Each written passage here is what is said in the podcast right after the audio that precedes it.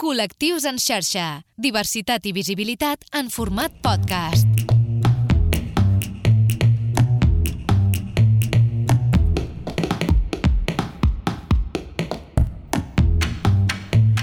Què tal? Com esteu? Benvinguts al Col·lectius en xarxa, el primer d'aquest 2024. Ja ho veieu, començo sol avui a Lluís Rodríguez Lago, doncs eh, el Reis li ha forçat trobar-se malament, eh, però no us preocupeu perquè aviat el tornarem a tenir amb nosaltres en aquest eh, programa. Ha estat un Nadal convuls, han passat moltíssimes coses, a part dels regals dels Reis, el Pare Noel, el Tió. Hem tingut també en aquests eh, dies, en aquestes setmanes, la mort de l'humorista Paco Arevalo. Una mort que ha estat eh, prou mediàtica perquè de nou ha tornat a sortir a la llum aquest debat. Si tot ens pot fer gràcia, si tot pot estar al final al centre de l'atenció de l'humor, si hi ha acudits i còmics per haver nascuts en generacions passades, doncs els hem de donar per bons i validar-los, o si bé a dia d'avui es pot dir que una persona no té gràcia, no fa gràcia i per tant doncs, el seu amor ah, i el seu humor ha quedat eh, caduc. Doncs aquesta és una de les preguntes que ens hem fet aquests eh, dies, si aquests acudits, si aquests eh,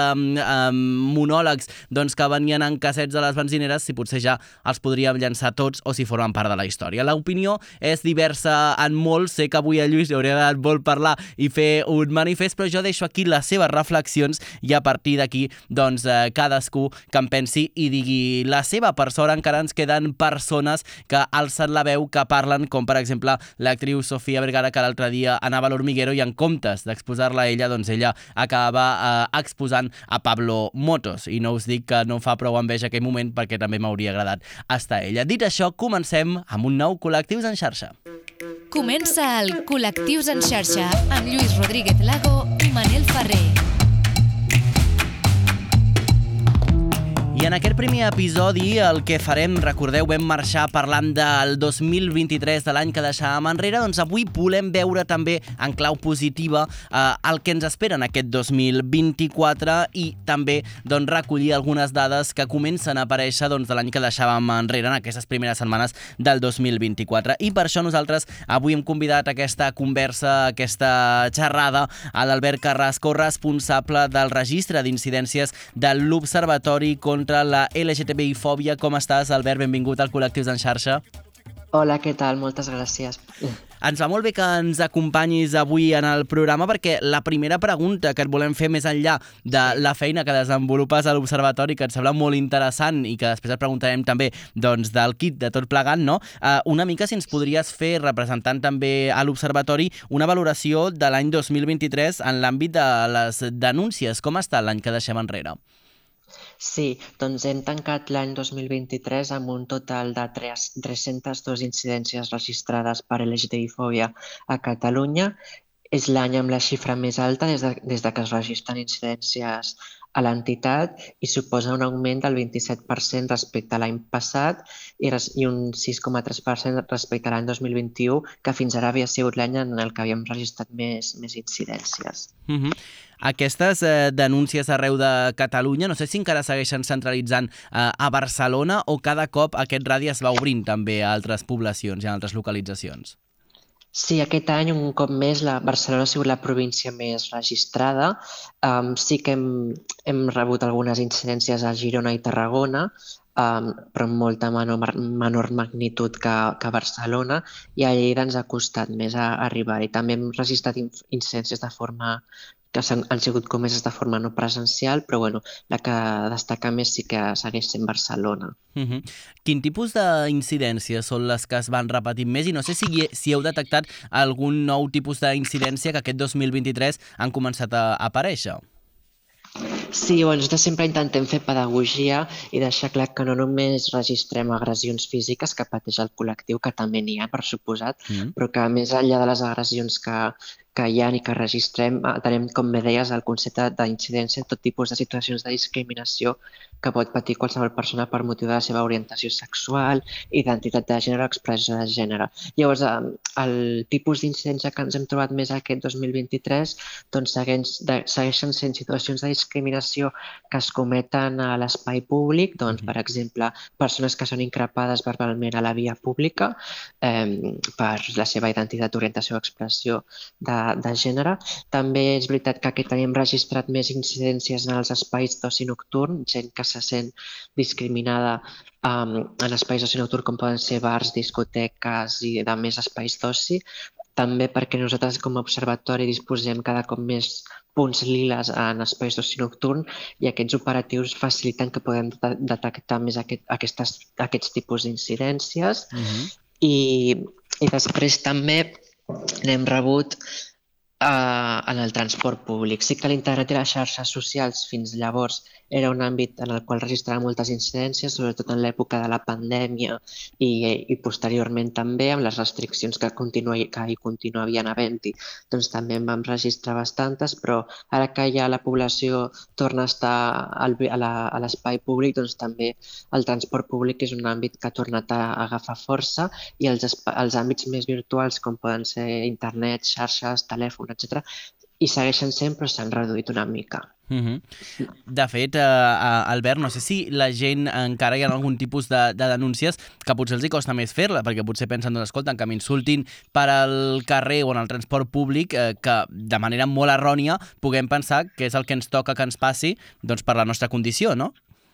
Sí, tot i així jo crec també faig una valoració, una mm -hmm. lectura positiva, perquè sí que és veritat que Um, el fet de que en l'any 2023 haguem registrat el, la major xifra d'incidències pot generar una alarma a la ciutadania com una, un imaginari de que estem molt malament, de que hi ha més agressions i més discriminacions, però també ho podem llegir per la banda de que el fet de que n'haguem registrat més potser també es pot interpretar des d'un punt de vista que hem aconseguit arribar més a la gent i que ens hagin comunicat més aquestes incidències perquè nosaltres estem convençudes de que a Catalunya en un any es cometen moltes més que 300 incidències per LGTBI al territori i nosaltres no deixem de ser una gent més que rep situacions de discriminació i aquestes 302 incidències no és una part de l'iceberg de tota la LGTBI que estem convençuts que hi ha arreu del territori. Mm. Llavors sí que és veritat que eh, òbviament hi ha gent que que pateix una situació de discriminació li pot ser difícil comunicar-ho, denunciar-ho. Tot i així, nosaltres el que detectem és que hi ha més desconfiança o més por o més reticència a comunicar-ho a les administracions públiques o als cossos i forces de seguretat, però que a les entitats els és una mica més fàcil perquè comunicar una incidència a l'observatori no, té cap, no té cap efecte legal, és perquè nosaltres en tinguem constància, podem registrar i comptabilitzar i perquè puguem posar a disposició de la persona afectada als nostres serveis d'acompanyament psicosocial i jurídic, però és més, no té més transcendència si la persona no ho vol. Mm -hmm. Llavors sempre intentem com respectar la voluntat de la persona i acompanyar-la en el que ella necessiti i per això com nosaltres com aquesta comunicació és més perquè quedi constància del que ha passat i perquè puguem acompanyar en, en, en com la persona vulgui, doncs jo crec que això no, no costa tant de comunicar, tot i així sí que, evidentment, segueix havent-hi por a, a, a vegades a denunciar o comunicar una discriminació que has pogut viure per aquest motiu, evidentment, sí. Uh -huh. uh, amb tot això que ens uh, explicaves, uh, no sé si també uh, cada cop estem més a prop en què, doncs, no ho sé, per exemple, um, locals d'oci o llocs d'oci, ja siguin discoteques, bars musicals, inclús uh, restaurants, doncs que el personal que es contracta uh, tingui també una sensibilitat, inclús uh, se la formi, no, Albert? Això també uh, ajudaria moltíssim doncs, en aquesta assistència directa, no, instantània al segon, quan es eh, succeeix doncs, algun tipus de discriminació, no? Sí, totalment. Nosaltres col·laborem amb algunes sales d'oci, mm. en festivals d'oci, sobretot a Barcelona. Llavors sí que si aquestes sales o aquests festivals ens demanen que habilitem un punt lila per atendre qualsevol tipus de violència masclista o LGTBI que pugui ocórrer durant l'esdeveniment, doncs és molt positiu que puguem oferir aquest servei i que aquestes sales i festivals tinguin com aquesta empenta, no? aquesta iniciativa i voluntat de, de que hi hagi un punt lila, mm -hmm. però sí que és important que, a més de la persona que hi hagi treballant al punt lila en aquella sala o festival, es formi a tot el personal, perquè aquella persona que està al punt lila, si passa qualsevol cosa, s'ha de coordinar necessàriament amb l'equip de la sala mm -hmm. o del festival, sigui de seguretat, de l'entrada, dels càrrecs directius, etc. Llavors sí que és important que tothom vagi a la una quan, hi, quan es detecten situacions d'aquest tipus, llavors sí que és molt important fer pedagogia, com bé deies, i formar i sensibilitzar a tot el personal que intervé i treballa en espais d'oci, en sales d'oci, en festivals, etc, mm -hmm. perquè puguin saber, bueno, puguin estar puguin ser coneixedors de en què consisteix una violència masclista, una discriminació per LGTBI-fòbia i en cas que passi com s'ha de, com s'ha de mm, com s'ha de procedir. Llavors sí que és important formar en aquest sentit a, a tot el personal. Som tan diversos com la quantitat de colors que poden existir i els que encara desconeixem. I amb tot això, Albert, al principi et preguntava justament eh, per això, per aquesta feina que tens encomanada no? eh, del registre sí. d'aquestes incidències. Eh, com es succeeix aquest registre? És a dir, com és la, la, la teva feina, el teu dia a dia? Eh, quines són les dades que necessites? Eh, com es recull el testimoni? I què es fa després amb aquestes dades? No sé si també es comparen les dades amb les d'anys anteriors o moments similars. Sí, mira, t'explico. Nosaltres um, des del registre d'incidències, eh, el que fem és, som com l'àrea de l'observatori que rebem les situacions de discriminació per LGTBI-fòbia um, en primer lloc. O sigui, hi ha com un canal oficial per comunicar una incidència a l'observatori, que és la nostra pàgina web. Mm -hmm. O sigui, podem rebre incidències per varis canals, però el nostre prioritari formal és el, és el de la nostra pàgina web perquè té una un apartat que posa denúncia i si entres en aquest apartat de la nostra pàgina web hi ha un formulari en el qual qualsevol persona, no té per què ser l'afectada, però bueno, uh -huh. qualsevol persona ens pot eh, omplir el formulari, donar les, les seves dades de contacte i una breu descripció dels fets que ens vol comunicar. Llavors, aquest formulari també està habilitat per garantir el tema de protecció de dades. Llavors, un cop l'envies, això arriba al correu electrònic de denúncies de l'Observatori, que és en el que estic jo. Uh -huh. Llavors, a mi m'arriba aquest formulari, llavors el que fem és, en primer lloc, fer un filtre, perquè sempre diem que no tot el que li passa a una persona del col·lectiu LGTBI té per què ser directament una situació de discriminació per LGTBI-fòbia. Llavors, si qualsevol persona ens comunica una incidència a través del formulari, doncs això ens arriba al correu electrònic i fem una lectura dels fets que ens fa arribar aquesta persona. Llavors, fem una mica el que és la fase de filtre, de valoració dels fets, per realment validar si, si realment es tracta d'una situació de discriminació per LGTBI-fòbia. Uh -huh. En cas que sí, doncs, com deies, ho registrem en una base de dades, um, tenim una base de dades amb, uns indicadors, amb tota una sèrie d'indicadors rigorosos per recollir bé aquestes incidències i alguns dels indicadors que registrem és, per exemple, quin és, eh, quin és el col·lectiu al qual pertany la persona afectada, si ens ho vol comunicar, uh -huh per quin motiu ha sigut discriminada. Per exemple, doncs una noia es pot identificar com a lesbiana no? eh, i, i ser increpada per, per, per anar de la mà de la seva parella, que és una noia. Llavors això ho registraríem com col·lectiu lesbiana, motiu discriminatori, lesbofòbia. Uh -huh. També registrem el territori on ha tingut lloc aquesta incidència, eh, doncs podria ser la província de Barcelona, Girona, Lleida Tarragona, a quina població també intentem especificar el municipi, en quin àmbit s'ha produït la discriminació, si, com et comentava si ha sigut a la via pública, al transport públic, a espai d'oci nocturn, a l'habitatge, a l'àmbit laboral, a l'àmbit de la salut, etc. Tenim tota una sèrie de categories en un protocol que tenim de registre d'incidències i un altre indicador que recollim també és quin tipus de discriminació s'ha exercit, si ha sigut una agressió física, una agressió verbal, si ha rebut amenaces, si és una situació d'assetjament perllongada en el temps, si mm -hmm. ha sigut un tracte, un tracte inadequat exercit per part d'algun personal de l'administració, una mostra d'odi i exaltació. De tots aquests indicadors els registrem en cada incidència. I i el, i el registre que, que utilitzem nosaltres és anual, de 1 de gener a 31 de desembre. Uh -huh. Llavors, un cop acaba l'any, tanquem aquest registre amb tots aquests indicadors, amb totes les incidències que haguem validat i això ens serveix per després fer l'informe anual, una radiografia quantitativa de, tota, de tots els indicadors que hem rebut de 1 de gener a 30 de desembre. Fem una extracció de les dades i això ens permet tenir una radiografia quantitativa de tot el que hem registrat durant l'any. I també intentem en aquest informe anual també fer, a part de, la, a part de les dades quantitatives i de, i de, la, de la part estadística, com siguéssim, també mm -hmm. fer una part qualitativa que és més donar a conèixer a la ciutadania en aquest informe anual, més enllà de les dades quantitatives, també algunes de les, de les violències discriminatòries que hem rebut. És a dir, explicar alguns dels casos que hem rebut de forma anònima, evidentment, però eh, donem a conèixer alguns dels casos que hem rebut durant l'any, perquè la gent es faci una idea de, de quins tipus d'incidències rebem. Uh Mhm. -huh. Llavors, un cop hem validat la, i registrat la incidència, ens posem a disposició de la persona si realment hem, de, hem, hem verificat que es tracta, hem constatat que es tracta d'una situació de discriminació per l'LGTBI-fòbia, posem a la disposició de la persona afectada els nostres serveis d'acompanyament psicosocial, per una banda, per si la persona vol disposar d'un espai d'escolta perquè exposi una mica com aquesta situació l'ha pogut afectar en el seu benestar emocional o com ha pogut interferir en la seva quotidianitat, això per una banda, i per una altra el nostre servei d'assessorament jurídic. Si, si considerem que aquesta discriminació pot tenir algun tipus de recorregut legal, doncs també oferim aquest servei d'assessorament jurídic gratuït a la persona per si podem valorar conjuntament quina seria la via, doncs, per exemple, si una persona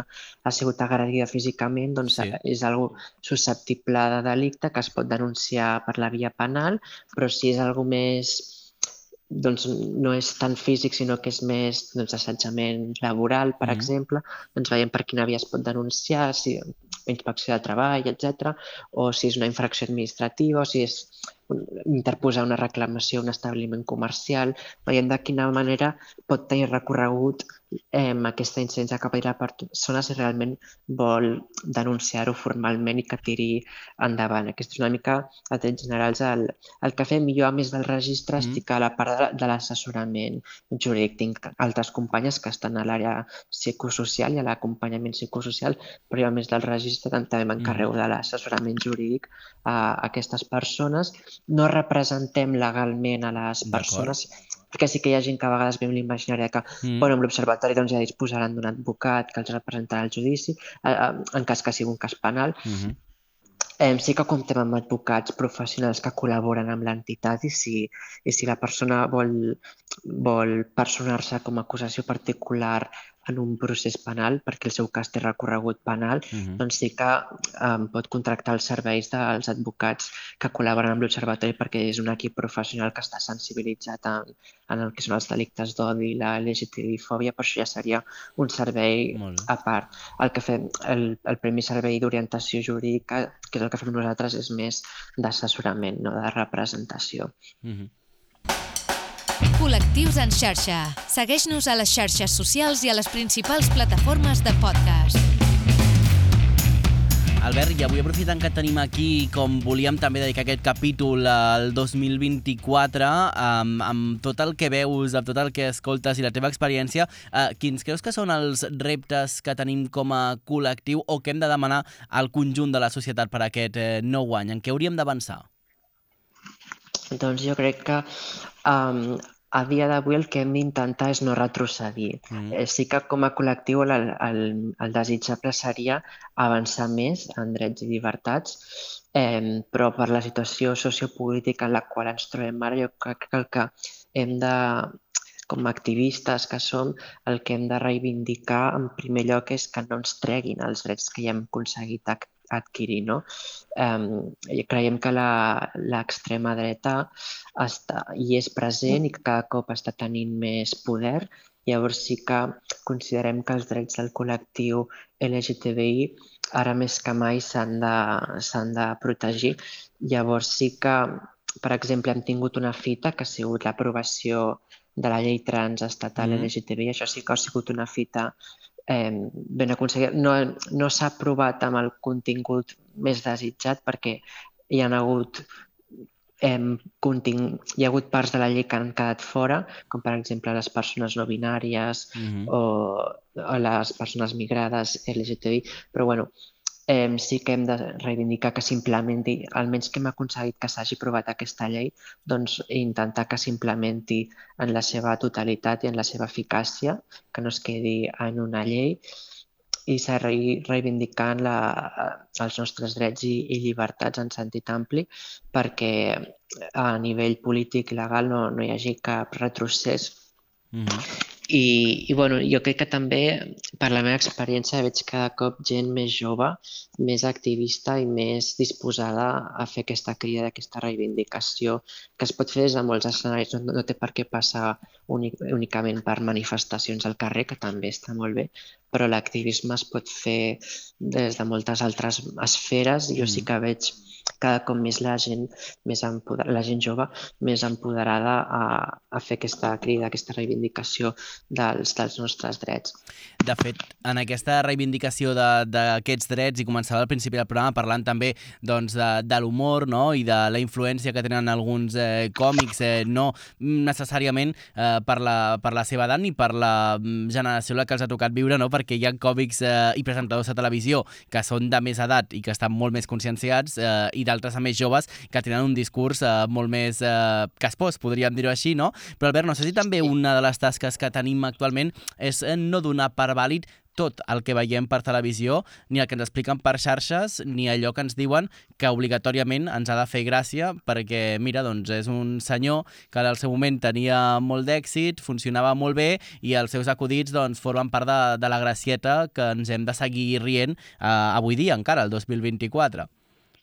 Sí, tens raó, perquè sí que és veritat que fa uns anys hi havia acudits, bromes que mm. es podien fer en mitjans de comunicació, en sèries de televisió, en cinema, en espais de televisius o polítics, etc, que sí que passaven per alt perquè en aquell moment doncs, no érem conscients o estàvem acostumats i es normalitzaven, que això també passa amb el mm. masclisme, mm. amb el racisme i en molts altres eixos.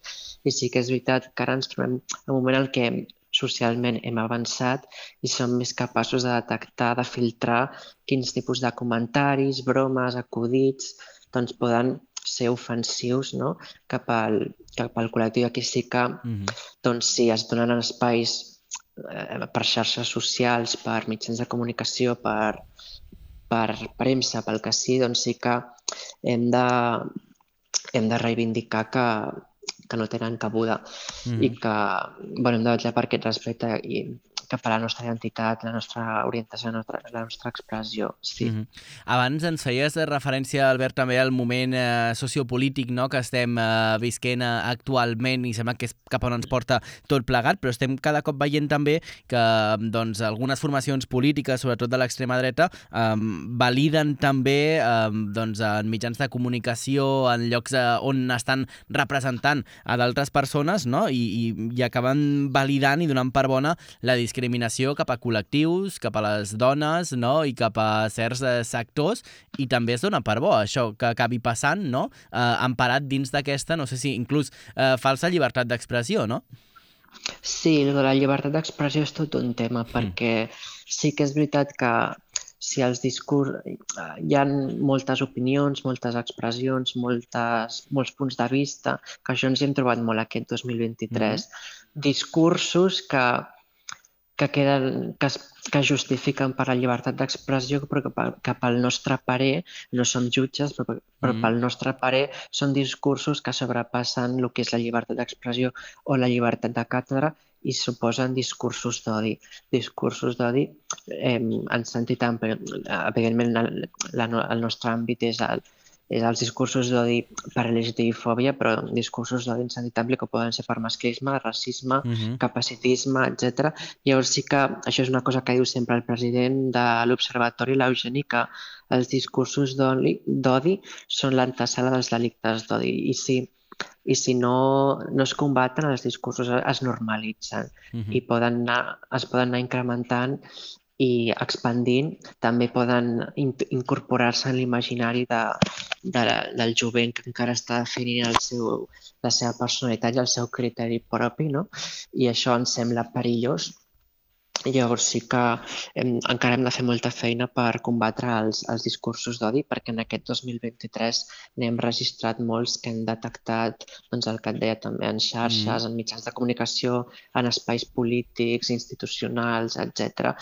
Sobretot cap al col·lectiu trans, perquè ja et deia, la llei transestatal l'hem aconseguit aprovar, però fins que no es va aprovar va crear un debat sociopolític a, a la ciutadania um, que bueno, va donar peu a que es fes moltes opinions al respecte sobre el contingut d'aquesta llei i, i sí que hi havia moltes posicions, sobretot pel que feia a la hormonació de les infàncies trans, que pot ser un punt de vista vàlid, mm. però depèn de quines expressions utilitzis, sí que considerem que són discursos d'odi cap a aquest col·lectiu i que no es poden passar per alt ni normalitzar. Col·lectius en xarxa, ja disponible a la plataforma La Xarxa Més. I gràcies, Albert, per acompanyar-nos. Estem ja gairebé a la recta final del programa, però volíem preguntar per un uh, parell de qüestions més, perquè és veritat que uh, hem començat aquest 2024 amb molta força i més enllà, doncs, al final del sentiment uh, religiós de cadascú, si algú creu en alguna religió, un dels temes que ja ens ha cridat més l'atenció i que està ja doncs, en, el, en el debat és aquesta mm, benedicció no, de les parelles homosexuals per part del Vaticà. No sé com hauríem d'entendre això, si com un apropament a la religió catòlica catòlica cap al col·lectiu o inclús també doncs, eh, com un rentat d'imatge, no? Sí, pot tenir aquests dos punts de vista. Mm. Eh, el papa sempre... Jo vaig veure alguna entrevista que va fer, uh, per exemple, amb el Jordi Évole, el programa sí. de Salvados, algunes declaracions que ha fet cap al col·lectiu LGTBI sempre ho enfoca més als homosexuals, mm. mai fa referència a les identitats trans o, bueno, ja ni, ni pensem en identitats no binàries mm. o altres expressions dissidents, sinó que sempre molt focalitzat a l'homosexualitat. Llavors, sempre, això ja t'ho dic com a opinió sí, meva, eh? Sí. eh? sempre és un punt de vista molt de, bueno, és una que existeix i que d'alguna manera, doncs, doncs, pobres, no se'ls pot mm -hmm. deixar de banda, no se'ls pot um, discriminar perquè ja que, ja que ho són, doncs, bueno, no, no els hi podem fer és a dir, gairebé des de la condescendència, no? De, Exacte. No? De, des de la pena, gairebé, no? Uh -huh. pena, paternalista, com uh -huh. volem dir, bueno, ho normalitzem perquè hi és, és veritat que tampoc és molt, tampoc té un discurs molt activista ja. cap, a la, cap a les teràpies de conversió, mm -hmm. com de, de redirigir aquestes persones, per sort, però tampoc té un, un, un discurs molt afavoridor. Llavors, bueno, sí, sempre és aquesta condescendència, com bé apuntaves. Mm -hmm. Llavors, bueno, és, és com van ahir, és com, bueno, acceptar, um, com rebre la seva acceptació, la seva benedicció um, des de la seva religió, però vaja, que, no ho considero com un avenç cap, a, uh -huh. cap al col·lectiu el fet de que el papa beneeixi públicament la, les parelles homosexuals, uh -huh. sinó que hauríem de partir de la base de que hi hagués bueno, un papa um, sensibilitzat sí. i cap a, cap a aquesta realitat. I llavors um, la, la benedicció es queda curta. Uh -huh. uh, una darrera pregunta. Com hem d'entendre que el Barça, que és una institució que l'entenem com molt nostra, sí. de casa nostra, uh, accepti jugar una Supercopa que jugarà a l'Aràbia Saudita amb tot el que això implica, no? El retallar drets, eh, invisibilitzar persones, no? passar per sobre de col·lectius. Com hem d'entendre això? Sí, això nosaltres ens hem posicionat mm. públicament en aquest tema perquè per nosaltres Clar, el, el Barça va emetre un comunicat de recomanacions als socis del mm. club en el qual deia que si els socis es, desplaça, es desplacen a veure els partits de la Supercopa a l'Aràbia Saudita, doncs que tinguin en compte que és un país amb polítiques discriminatòries i que s'ha d'anar amb compte i que segons quines mostres d'efecte eh, es recomanen contenir-se, sobretot entre persones del mateix sexe, i que es recomana no fer públic el suport cap al col·lectiu LGTBI perquè pot tenir, poden ser susceptibles de represàlies o de conseqüències i tal. Per nosaltres això és greu perquè el problema no està en que les persones LGTBI que vagin a veure els partits de la, de la Supercopa a l'Aràbia Saudita puguin tenir algun problema i que el Barça els pugui protegir, sinó és el fet de que, com bé deies, um, s'hagi acceptat anar a jugar un partit, en, ai, ai perdó, s'hagi acceptat anar a jugar a un país uh. -huh. on hi ha aquestes polítiques discriminatòries. Llavors sí que s'hauria d'haver, a més, com un comunicat més enfocat en, en condemnar aquestes polítiques que té aquest país i en uh. -huh. mostrar un, un missatge de suport cap a, no només cap al col·lectiu LGTBI, sinó cap a qualsevol persona que pugui ser represaliada o discriminada en aquell territori i que no, no, el missatge, el focus no estigués tant en, en recomanar mm. o en contenir a les persones que vagin a aquest país, sinó en condemnar que s'hagi s'hagi escollit anar a aquest país a, a, a fer la Supercopa. O sigui que creiem que el punt de vista ha fallat per part del Barça. Totalment. Doncs Albert Carrasco, responsable del registre d'incidències de l'Observatori contra la LGTBI-fòbia, moltes gràcies per passar per al Col·lectius en xarxa i gràcies sempre a l'Observatori per atendre la nostra trucada cada vegada que us requerim. Que vagi molt bé. Fins la propera. Gràcies, moltes gràcies a vosaltres. Fins la propera. Nosaltres marxem, us deixem amb Natàlia, amb aquest Vas a volverme loca. Gràcies per acompanyar-nos. Tornem la propera setmana. Que vagi molt bé. Adeu. Col·lectius en xarxa, un podcast de Lluís Rodríguez Lago i Manel Ferrer.